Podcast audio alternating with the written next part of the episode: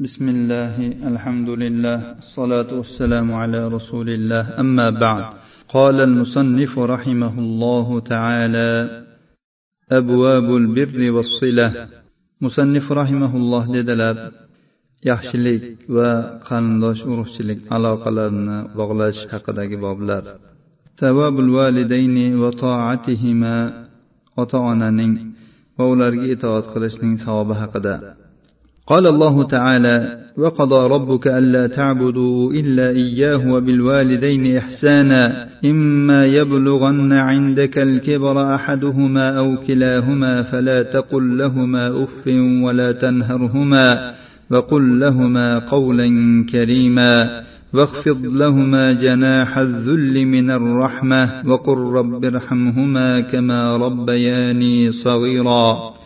ربكم اعلم بما في نفوسكم ان تكونوا صالحين فانه كان للاوابين غفورا alloh subhanahu va taolo isro surasining yigirma uchinchi va yigirma to'rtinchi oyatlarida shunday dedi robbingiz yolg'iz uning o'zigagina ibodat qilishlaringizni hamda ota onangizga yaxshilik qilishlikka amr etdi agar ularning birovi yoki har ikkisi sizning qo'l ostingizda keksalik yoshiga yetsalar ularga qarab uf tortmang va ularning so'zlarini qaytarmang. Ularga doimo yaxshi so'z so'zlang. Ular uchun mehribonlik qiling hokisor bo'ling va parvardigorim meni ular go'daklik chog'imda tarbiyalab o'stirganlaridek sen ham ularga rahm shafqat qilgin deb haqlariga duo qiling. ey insonlar parvardigoringiz dillaringizdagi sirlaringizni juda yaxshi biluvchidir agar alloh taolo qalblaringizdagi niyatlaringiz yaxshi ekanligini biladigan bo'lsa albatta alloh taolo o'ziga tavba qiluvchi va qaytuvchilarni mag'firat etuvchi bo'lgan zotdir وقال تعالى فوصينا الإنسان بوالديه حملته أمه وهنا على وهن وفصاله في عامين أن اشكر لي ولوالديك إلي المصير وإن جاهداك على أن تشرك بي ما ليس لك به علم فلا تطعهما وصاحبهما في الدنيا معروفا واتبع سبيل من أناب إلي ثم إلي مرجعكم فأنبئكم بما كنتم تعملون. الله سبحانه وتعالى لقمان سورة 14-15 oyatlarida shunday dedi. Biz insonga ota onasiga yaxshilik qilishni amr etdik. Onasi unga ojizlik ustiga ojizlik bilan homilador bo'ldi. Uning ko'krakdan ajralish muddati ikki yilda kelur. Biz insonga buyurdikki sen menga va ota onangga shukur qilgin yolg'iz o'zimga qaytajaksan. Agar ular ya'ni ota onang seni o'zing bilmagan narsalarni menga sherik qilishga zo'rlasalar u holda ularga itoat etma. ularga garchi kofir bo'lsalarda dunyoda yaxshi muomalada bo'lgin va o'zing menga ijobat tavba qilgan kishilarning yo'liga ergashgin so'ngra yana o'zimga qaytadursizlar men sizlarga qilib o'tgan amallaringizning xabarini berurman وقال تعالى ووصينا الإنسان بوالديه إحسانا حملته أمه كرها ووضعته كرها وحمله وفصاله ثلاثون شهرا. حتى إذا بلغ شده وبلغ أربعين سنة قال رب أوزعني أن أشكر نعمتك التي أنعمت علي وعلى والدي وأن أعمل صالحا ترضاه. وأصلح لي في ذريتي إني تبت إليك وإني من المسلمين. أولئك الذين نتقبل عنهم أحسن ما عملوا ونتجاوز عن سيئاتهم في أصحاب الجنة وعد الصدق الذي كانوا يوعدون. Alloh subhanahu va taolo ahqof surasi o'n beshinchi o'n oltinchi oyatlarda shunday dedi. Biz insonni ota onasiga yaxshilik qilishga buyurdik. Onasi unga qiynalib homilador bo'lib qiynalib tuqqandir. Unga homilador bo'lish va uni sutdan ajratish muddati o'ttiz oydir. Endi qachonki u voyaga yetib qirq yoshga to'lganida parvardigorim meni sen menga va ota onamga inom etgan ne'matingga shukur qilishga va o'zing rozi bo'ladigan yaxshi amallarnigina qilishga muvaffaq etgin va o'zing men uchun zurriyotimda ham yaxshilik qilgin ya'ni farzandlarimni ham ahli solih bandalaringdan qilgin. Albatta men senga qilgan barcha gunohlarimdan tavba qildim va albatta men musulmonlardandirman dedi.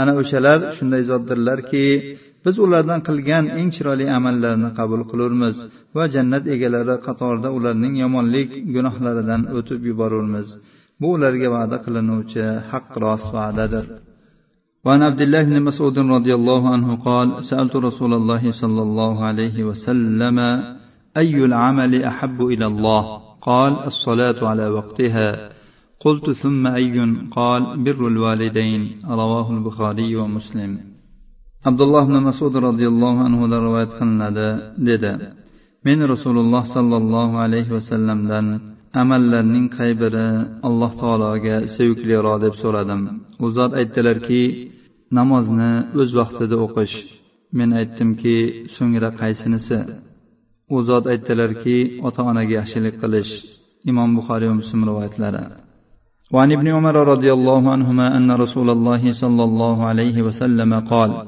بينما ثلاثة نفر يتماشون أخذهم المطر فمالوا إلى غار في الجبل فانحطت على فم غارهم صخرة من الجبل فأطبقت عليهم فقال بعضهم لبعض انظروا أعمالا عملتموها لله عز وجل صالحة فادعوا الله بها لعله يفرجها عنكم.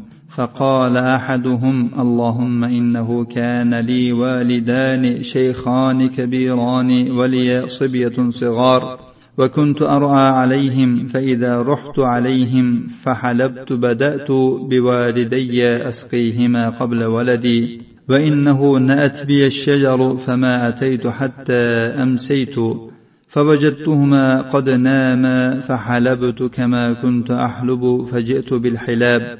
فقمت عند رؤوسهما أكره أن أوقظهما من نومهما وأكره أن أبدأ بالصبية قبلهما والصبية يتضاغون عند قدمي فلم يزل ذلك دأبي ودأبهم حتى طلع الفجر. فإن كنت تعلم أني فعلت ذلك ابتغاء وجهك فافرج لنا فرجة نرى منها السماء. ففرج الله عز وجل لهم يرون منها السماء. ravohul buxoriy va muslim. Ibn umar roziyallohu anhudan rivoyat qilinadi. Rasululloh sollallohu alayhi vasallam dedilar uch kishi ketayotgandilar. To'satdan ularga yomg'ir yog'di va ular tog'dagi bir g'orga kirdilar. Ular g'or ichida ekanlarida g'orlarning og'ziga tog'dan bir katta harsang tosh tushib ularni yo'lini to'sib qo'ydi. Shunda ular bir birlariga dedilar alloh azza va jalla uchun xolis solih qilgan bir amallaringizni qaranglar. Agar shunday amal bo'ladigan bo'lsa ana shu amalni vosita qilib alloh taologa duo qilinglar. Shoyatki alloh taolo sizlarni bu holatingizdan faraj bersa ya'ni yengillik bersa. Ulardan biri aytdiki ey ollohim meni ikki yoshlar ulug' bo'lgan qari ota onam bor edi. Mening yosh farzandlarim ham bor edi. Men qo'y boqardim. Kechki payt bo'lganda qo'ylarni qaytarib kelgan paytimda qo'ylarni sog'ib avval ota onamdan boshlab farzandlarimdan oldin ota onamni sut bilan sug'orardim. Kunlarni birida daraxtlar ya'ni men o'tlatadigan daraxtlar uzoq bo'lganligidan kech qoldim va qorong'i tushganda yetib keldim. Qarasam ota onam uxlab bo'lgan ekanlar. Men odatimga ko'ra qo'ylarni sog'ib sutni olib keldim. Ularni boshlarida turdim va ularni uyqularidan uyg'otishni karih ko'rdim xohlamadim va sutni bolalarimga ulardan oldin berishni karih ko'rdim.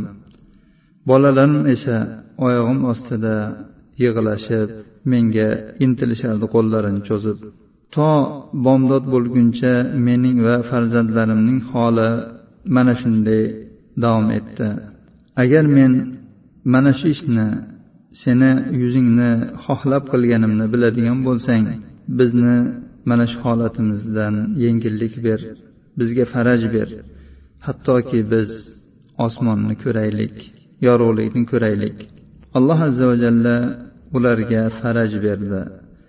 Hattoki ular ana shu furjadan osmonni ko'rishdi imom buxoriy va muslim rivoyatlari وعن ابي هريره رضي الله عنه قال جاء رجل الى النبي صلى الله عليه وسلم يستاذنه في الجهاد فقال احي والداك قال نعم قال ففيهما فجاهد رواه مسلم abu hurayra roziyallohu anhudan rivoyat qilinadi dedi bir kishi nabiy sollallohu alayhi vasallam huzurlariga jihodga chiqish uchun izn so'rab keldi shunda u zot so'radilarki ota onang tirikmilar u ha dedi u zot aytdilarki ana ularning haqida jihod qil imom muslim rivoyatlari وعن ابي سعيد رضي الله عنه ان رجلا من اهل اليمن هاجر الى رسول الله صلى الله عليه وسلم فقال هل لك احد باليمن قال ابواي قال قد اذنا لك قال لا قال فارجع اليهما فاستاذنهما فان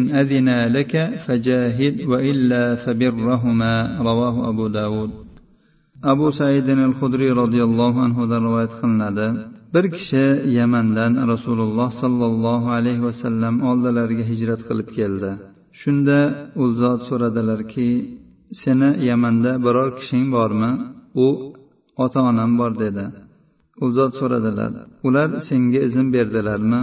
U aytdiki yo'q. U zot dedilar ularning oldilariga qaytgin va ulardan izn so'ra. Agar senga izn bersalar jihod qilgin. Aks holda ularga yaxshilik qilgin ya'ni ularni xizmatini qilgin. Abu dovud rivoyatlari ushbu hadisga sahih targ'ib va tarhibda ikki ming to'rt yuz sakson ikkinchi raqam ostida sahihun deb hukm qilingan. وعن عبد الله بن عمرو رضي الله عنهما قال أقبل رجل إلى رسول الله صلى الله عليه وسلم فقال أبايعك على الهجرة والجهاد أبتغي الأجر من الله. قال فهل من والديك أحد حي؟ قال نعم بل كلاهما حي. قال فتبتغي الأجر من الله؟ قال نعم. قال فارجع إلى والديك فأحسن صحبتهما. رواه البخاري ومسلم. وأبو داود إلا أنه قال جاء رجل إلى رسول الله صلى الله عليه وسلم فقال جئت أبايعك على الهجرة وتركت أبوي يبكيان. فقال ارجع إليهما فأضحكهما كما أبكيتهما. عبد الله بن عمرو رضي الله عنهما رواية قلنada dedi bir kishi rasululloh sollallohu alayhi vasallam oldilariga keldi va aytdiki men sizni hijrat qilish va jihod qilish ustida bayat qilaman. Bu bilan alloh taolodan ajr umid qilaman. U zot dedilar ota onangdan birontasi tirikmi u ha dedi balki ikkalasi ham tiriklar u zot aytdilarki sen alloh taolodan ajr umid qilyapsanmi? U ha dedi. U zot dedilar sen ota onangning oldilariga qaytgin. Ular bilan chiroyli hamsuhbat bo'l ya'ni ularni chiroyli xizmatlarni qilib oldilarida turgin. imom buxoriy va muslim rivoyatlari abu dovud ham rivoyat qilganlar faqat abu dovudning rivoyatida aytilganki bir kishi rasululloh sollallohu alayhi vasallam huzurlariga kelib dedi men sizni hijrat ustida bayat qilishga keldim va ota onamni yig'lagan hollarida qoldirdim u zot aytdilarki ularning oldilariga qaytgin va ularni yig'latganing kabi kuldirgin وعن معاوية بن جاهمة أن جاهمة رضي الله عنه جاء إلى النبي صلى الله عليه وسلم فقال يا رسول الله أردت أن أغزو وجئت أستشيرك. فقال هل لك من أم؟ قال نعم. قال فالزمها فإن الجنة عند رجلها. رواه النسائي وابن ماجه والحاكم وقال صحيح الإسناد. والتبراني بإسناد صحيح إلا أنه قال أن جاهمة قال أتيت النبي صلى الله عليه وسلم أستشيره في الجهاد.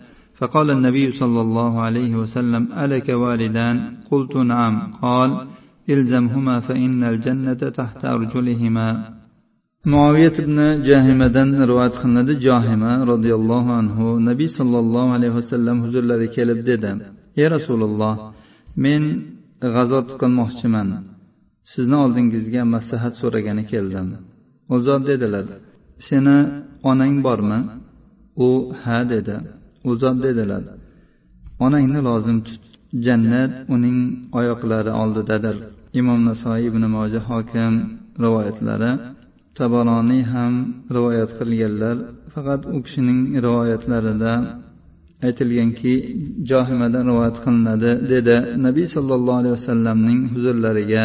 Jihod haqida maslahat so'rab keldim. Shunda nabiy sollallohu alayhi vasallam aytdilarki seni ota onang bormi? Men ha dedim.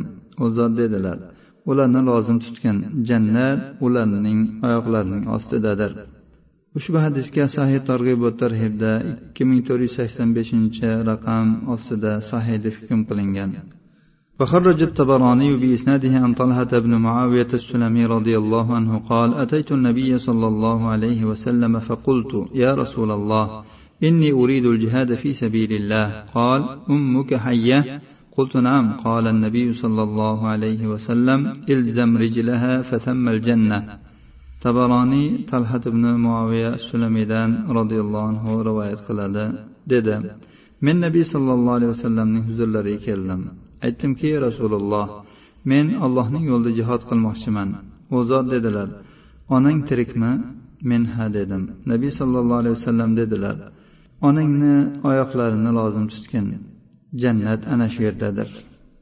Ya'ni onangni oldida turib xizmatlarni qilgin. Jannat ana shu yerdadir dedilar. Ushbu hadisga sahih targ'ibut tarhibda ikki ming to'rt yuz sakson to'rtinchi raqam ostida sahihun lig'oyrihi deb hukm qilingan. Alloh subhanahu va taolodan o'qib o'tilgan oyat va hadislarga chiroyli amal qilishimizni barchalarimizga nasib aylasin.